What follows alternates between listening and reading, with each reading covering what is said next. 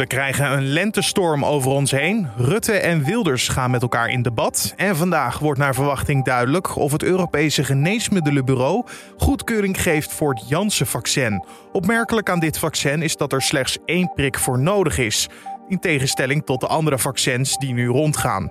Echter wordt er wel onderzoek gedaan naar een tweede prik van Janssen. En als dan blijkt dat die tweede prik toch wel een aanzienlijke toevoeging geeft, uh, al is dat misschien uh, pas na een paar maanden, dan heb je kans dat dat wel wordt toegevoegd. Emeritus hoogleraar vaccins en voormalig hoofd vaccins van het RIVM, Ben van der Zijst is dat.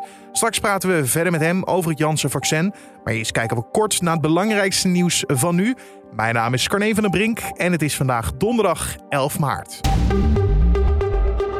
In Groningen is een agent ernstig gewond geraakt bij een steekincident. Hij zou in het gezicht geraakt zijn en hij is met spoed naar het ziekenhuis gebracht.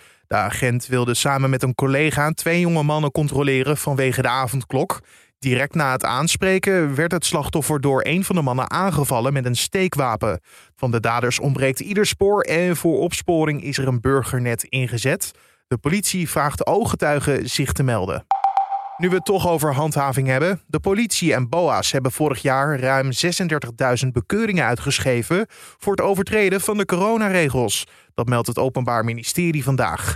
Na beoordeling door het OM is in iets meer dan 22.000 gevallen een boete opgelegd, waarvan 7.000 in verzet gingen. Vorig jaar heeft het OM iets meer dan 400 corona-gerelateerde misdrijfszaken in behandeling genomen. Het gaat dan vooral om verdachten die hoesten of spugen naar agenten of BOA's, waarbij ze beweren besmet te zijn met het coronavirus.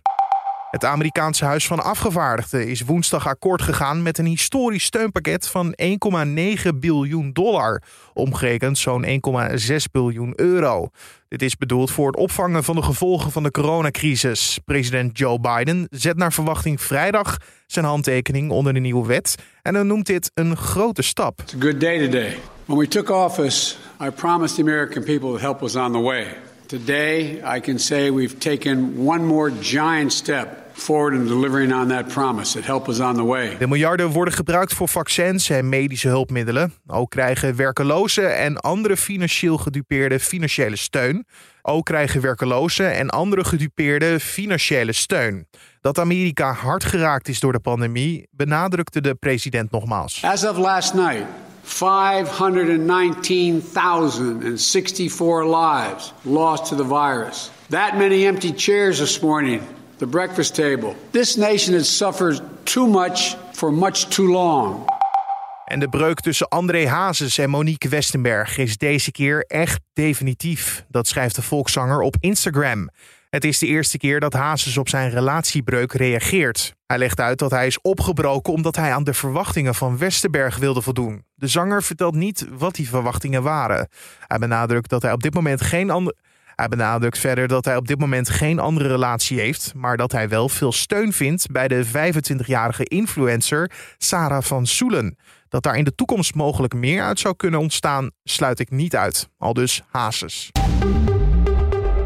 Het Europees Geneesmiddelenbureau geeft naar verwachting vandaag zijn oordeel over het coronavaccin van de Leidse farmaceut Janssen. Janssen heeft op 16 februari een aanvraag gedaan bij het EMA voor markttoelating. Het vaccin van Janssen zou bij een positief oordeel het vierde goedgekeurde coronavaccin in de EU worden, na Pfizer, BioNTech, Moderna en AstraZeneca. Om hierop vooruit te blikken belde collega Julien Dom met Ben van der Zijst, emeritus hoogleraar vaccins en voormalig hoofd vaccins van het RIVM.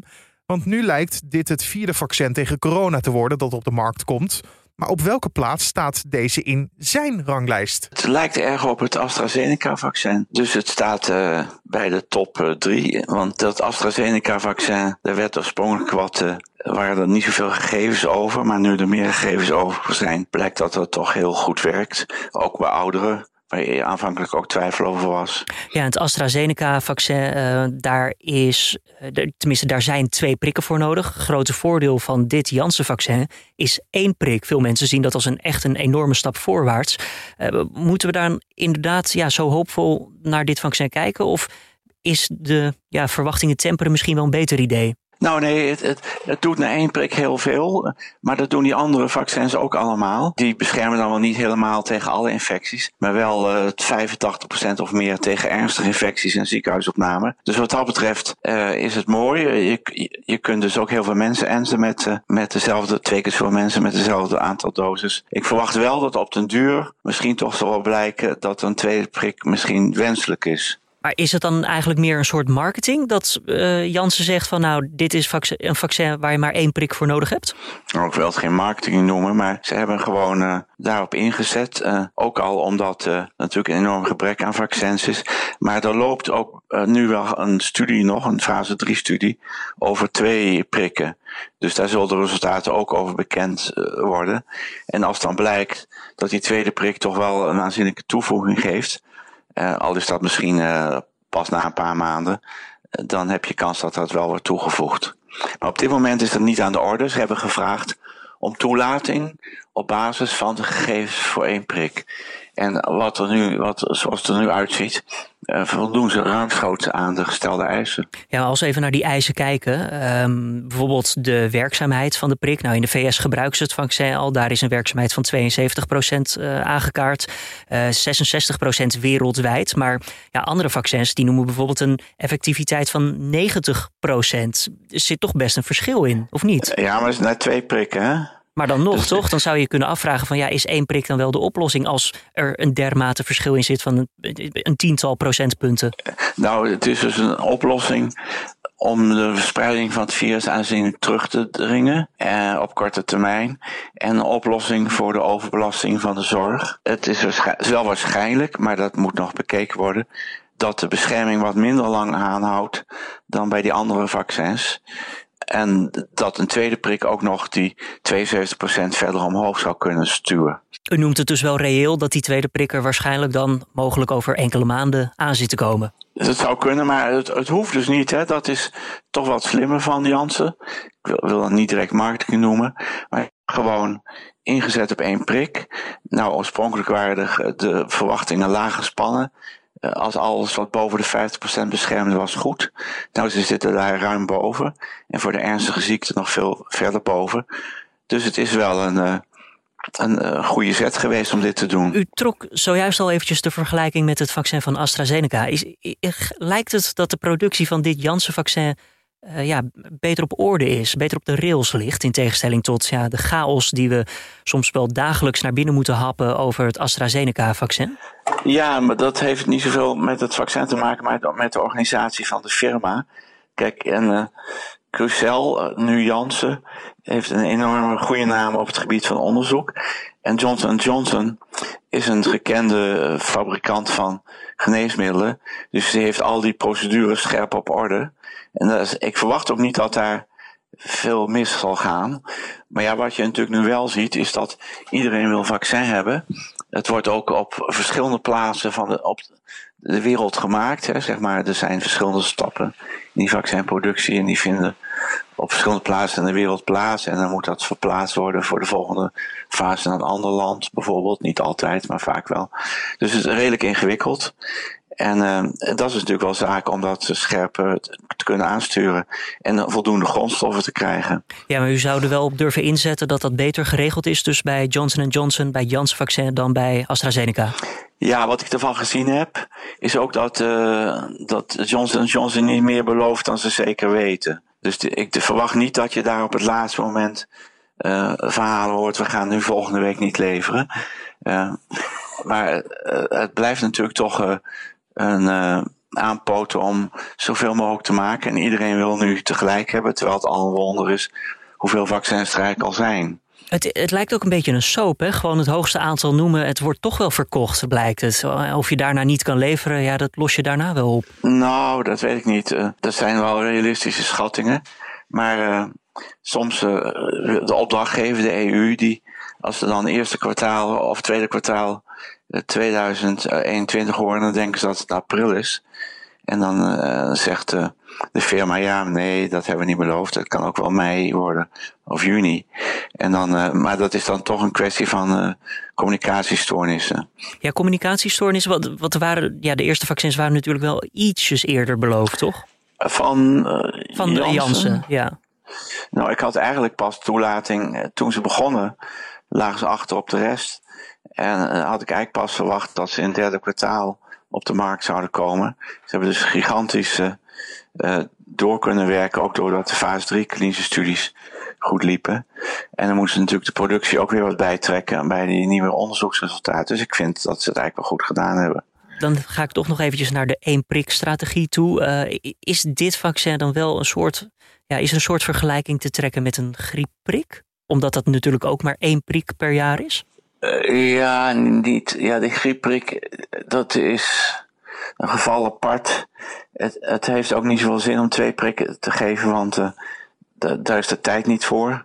En uh, het, griep, het, griepvirus verandert veel sterker dan het coronavirus. Dus, dus eigenlijk de reden dat je elk jaar weer opnieuw een prik geeft, is dat dat virus natuurlijk enorm veranderd is. Maar het coronavirus ja, muteert ook ja, los, toch? We hebben nu een Braziliaanse variant, Britse variant, ja, Zuid-Afrikaanse. Maar dat, dat haalt het niet. Dat is zoveel minder verandering dan bij het griepvirus. Daar kun je hele drastische verandering krijgen. En dat komt omdat de, dat erfelijk materiaal, er komt in verschillende stukjes voor.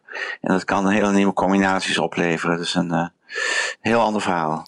Denkt u dat we in de media het dan soms ook iets te groot maken als er een nieuwe coronavariant naar buiten komt? Nou, niet helemaal, want uh, die, die, die Kent-variant, die, uh, die die Britse variant, zal ik maar zeggen, die wordt goed door de bestaande, dus eigenlijk alle vaccins uh, geneutraliseerd. Of, uh, maar die Zuid-Afrikaanse en de Braziliaanse wijken iets meer af.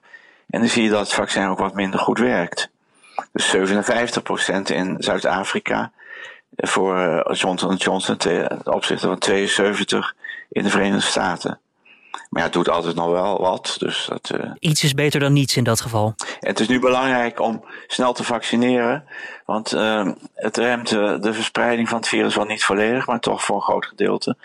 Dus hoe meer je vaccineert, hoe sterker je ook de verspreiding van het virus afremt. Bent u niet bang dat we misschien ook wel ja, behoorlijk afhankelijk worden van deze bedrijven die we instellen om ja, voor onze vaccin te ontwikkelen? Het één foutje, we hebben het gezien natuurlijk met AstraZeneca en uh, ja, landen moeten hun burgers weer teleurstellen.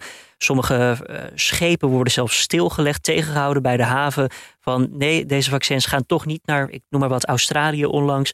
Deze zijn voor de EU, omdat we hier uh, nog niet het belofte aantal hebben gehad. Ja, is dit wel iets voor, voor commerciële bedrijven om te doen? En moeten we dit niet gewoon zelf aanpakken als overheid? Dat hebben we geprobeerd. En uh, ik heb zelf ook nog bij het RIVM Nederlands Vaccininstituut gewerkt, waar we vaccins produceren. Maar uiteindelijk was dat op die schaal toch niet goed houdbaar. En wij zijn trouwens in hoge mate afhankelijk van al die vaccinfabrikanten, van allerlei andere vaccins. Want wij leven zo dicht op elkaar dat als we niet meer zouden vaccineren tegen bijvoorbeeld kinkhoest of mazelen, dat je enorme uitbraken zou hebben. Dus wij zijn eigenlijk uh, overgeleverd aan vaccins om onze zeg maar, huidige levensstandaard met globale economie en mensen dicht op elkaar te kunnen handhaven. Maar zou er een rol zijn voor de overheid om hier toch misschien iets meer naar voren te treden en iets meer op ja, eigen, eigen, eigen hals te nemen? De, de overheid moet optreden als marktmeester en de overheid moet er ook voor zorgen dat ze begrijpen hoe het allemaal werkt. Want als jij niet snapt hoe vaccinproductie en, en vaccinontwikkeling werkt, dan kan je ook geen eh, opdracht, geen goede opdracht uitschrijven om het Europees aan te besteden. Gaat het daar nog wel eens fout op dit moment, denkt u? Eh, nou, het, ik, ik, uh, ik, het is heel moeilijk. En, uh, en je, je hebt. Uh, kijk, die, die, die firma's weten natuurlijk veel meer. Dus je moet wel zorgen dat je voldoende tegenkennis organiseert. om aan de bal te kunnen blijven als marktmeester spannende tijden nog, denk ik, de komende maanden, of niet? Nou, we krijgen nu, ik, wij, ik denk dat iedereen een zucht van oplichting slaagt, slaakt als het allemaal wat minder wordt. En dan zal er natuurlijk de evaluatie komen. Ja, de vraag is wat daaruit komt. Meneer Van der Seijster, ja, de laagste vraag uh, dan inderdaad over de evaluatie van het Janssen-vaccin. Uh, ja, dit wordt gewoon toegelaten, toch? Daar is, daar is, geen, daar is geen vraag meer over. Ik, het zou mij, zou mij sterk verbazen als het, uh, het is in de VS al toegelaten. Het zou mij uh, sterk verbazen als het niet wordt toegelaten. Ben van der Zijst, emeritus hoogleraar vaccins en voormalig hoofdvaccins van het RIVM, hoorde in gesprek met collega Julien Dom. En dan, wat staat er verder te gebeuren vandaag? Nederland krijgt een lentestorm over zich heen met de naam Evert. Het hele land krijgt te maken met zware windstoten die schade aan gebouwen en hinder voor het verkeer kunnen veroorzaken. Vooral in de kustgebieden kan het flink gaan waaien. En het KNMI heeft code geel afgegeven. Twee vaccinatielocaties in Noord-Holland blijven dicht vanwege de storm. Het gaat om locaties in Alkmaar en Middenmeer. En demissionair premier Mark Rutte, lijsttrekker van de VVD en zijn PVV-tegenhanger Geert Wilders gaan voor het eerst tijdens de verkiezingscampagne direct met elkaar in debat.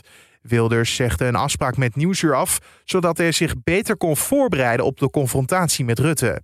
In de peilingen heeft de PVV alleen nog de VVD voor zich, al heeft die laatste partij wel een flinke voorsprong. Wilders en Rutte treffen elkaar om tien over tien bij Jeroen Pauw op NPO 1. En dan het weer van Weerplaza. Vandaag met Raymond Klaassen. Het wordt een onstuimige dag vandaag. Er vallen van tijd tot tijd een aantal pittige buien en er staat veel wind. Tussen de buien door is er ook ruimte voor de zon. En vanmiddag wordt het zo'n 10 tot 12 graden. Maar de wind speelt duidelijk de hoofdrol vandaag. Er waait een krachtige wind boven land, rond windkracht 6. En er komen zware windstoten voor van zo'n 75 tot 100 km per uur.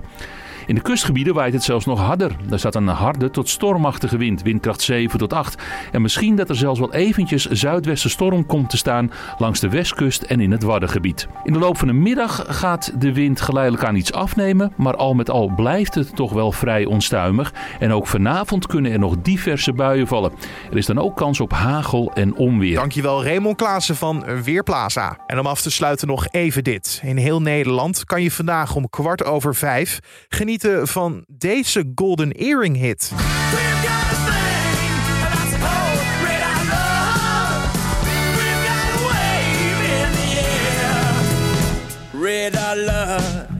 Ja, het gaat om Radar Love. En veel radiozenders en de carillons van meerdere kerken spelen dat nummer als eerbetoon aan Golden Earring-gitarist George Kooijmans, die vandaag 73 wordt. Vorige maand werd namelijk bekend dat Kooijmans de ernstige spierziekte ALS heeft en moet stoppen met optreden. De rest van de band besloot toen niet zonder hem verder te gaan en het was dus het einde van de Golden Earring. Dit zien ze als een mooi eerbetoon. En tot zover deze Dit Wordt Het Nieuws podcast voor de donderdag 11 maart. Morgen hebben we iets speciaals in petto. Dan geen normale ochtendpodcast, maar een speciale Tweede Kamer verkiezingspodcast. We gaan vooruitblikken op de verkiezingsweek met de politiek verslaggevers van nu.nl. Deze kan je morgenochtend op de voorpagina van nu.nl vinden en in je favoriete podcast app. Spotify, Apple Podcast of Google Podcast. Dus abonneer je en zo mis je zeker niet die aflevering. Mijn naam is Carne van der Brink. Een hele mooie dag toegewenst en laat je niet wegwaaien.